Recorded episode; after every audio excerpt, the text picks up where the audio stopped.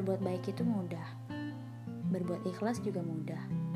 Yang sulit adalah ketika kita baik dengan cara kita, tapi ada aja celah yang bikin mereka menyalahartikan kebaikan kita itu.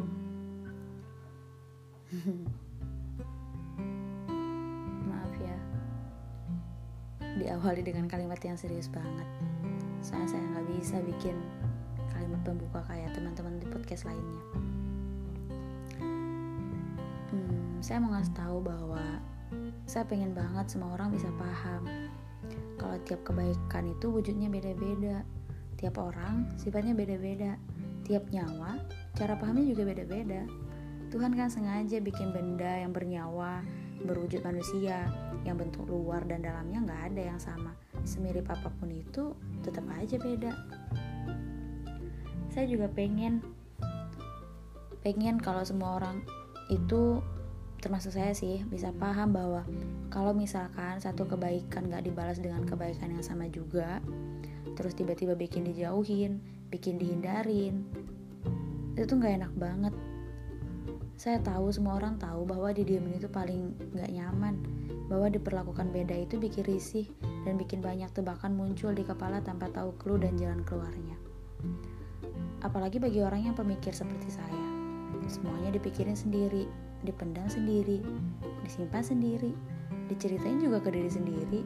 Gitu aja terus sampai keadaan membaik dan saya sembunyi di balik kata, ya udahlah ya, karena pun kalau mau diceritain, ujung-ujungnya bikin mikir, apa saya terlalu lebar ya nanggepin masalah gini doang?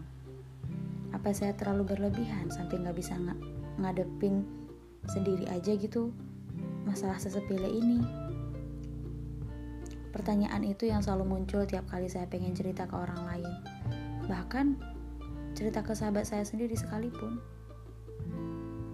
Dan akhirnya lagi-lagi saya pendam. Sampai semua orang ngira bahwa saya nggak punya masalah apa-apa. Sampai semua orang lihat bahwa saya sebagai manusia yang bodoh amat dan gak peduli dengan masalah di sekitar saya. Yaitu, saya selalu mikir, mikir dampak dari bentuk peduli saya.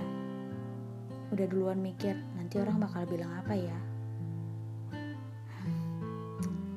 Itu dia salahnya saya. Terlalu mikirin hal yang belum tentu terjadi dan harusnya bukan tanggung jawab saya.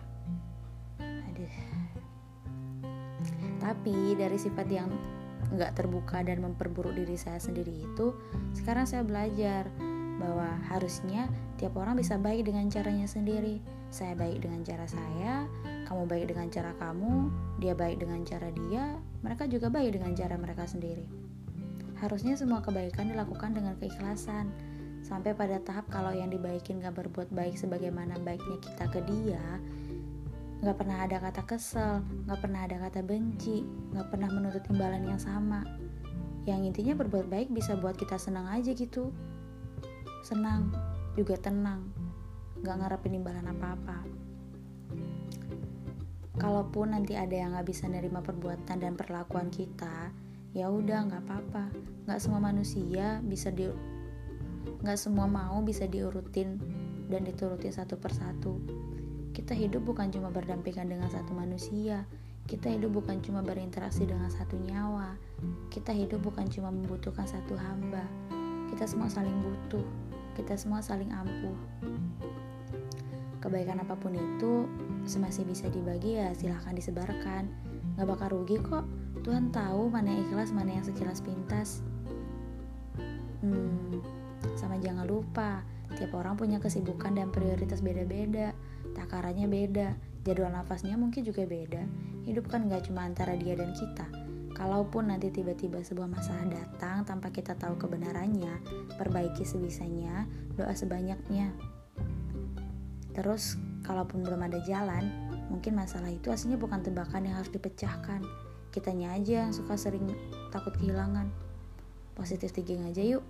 Senyum, doain, ikhlasin, pasrahin. Kelar deh.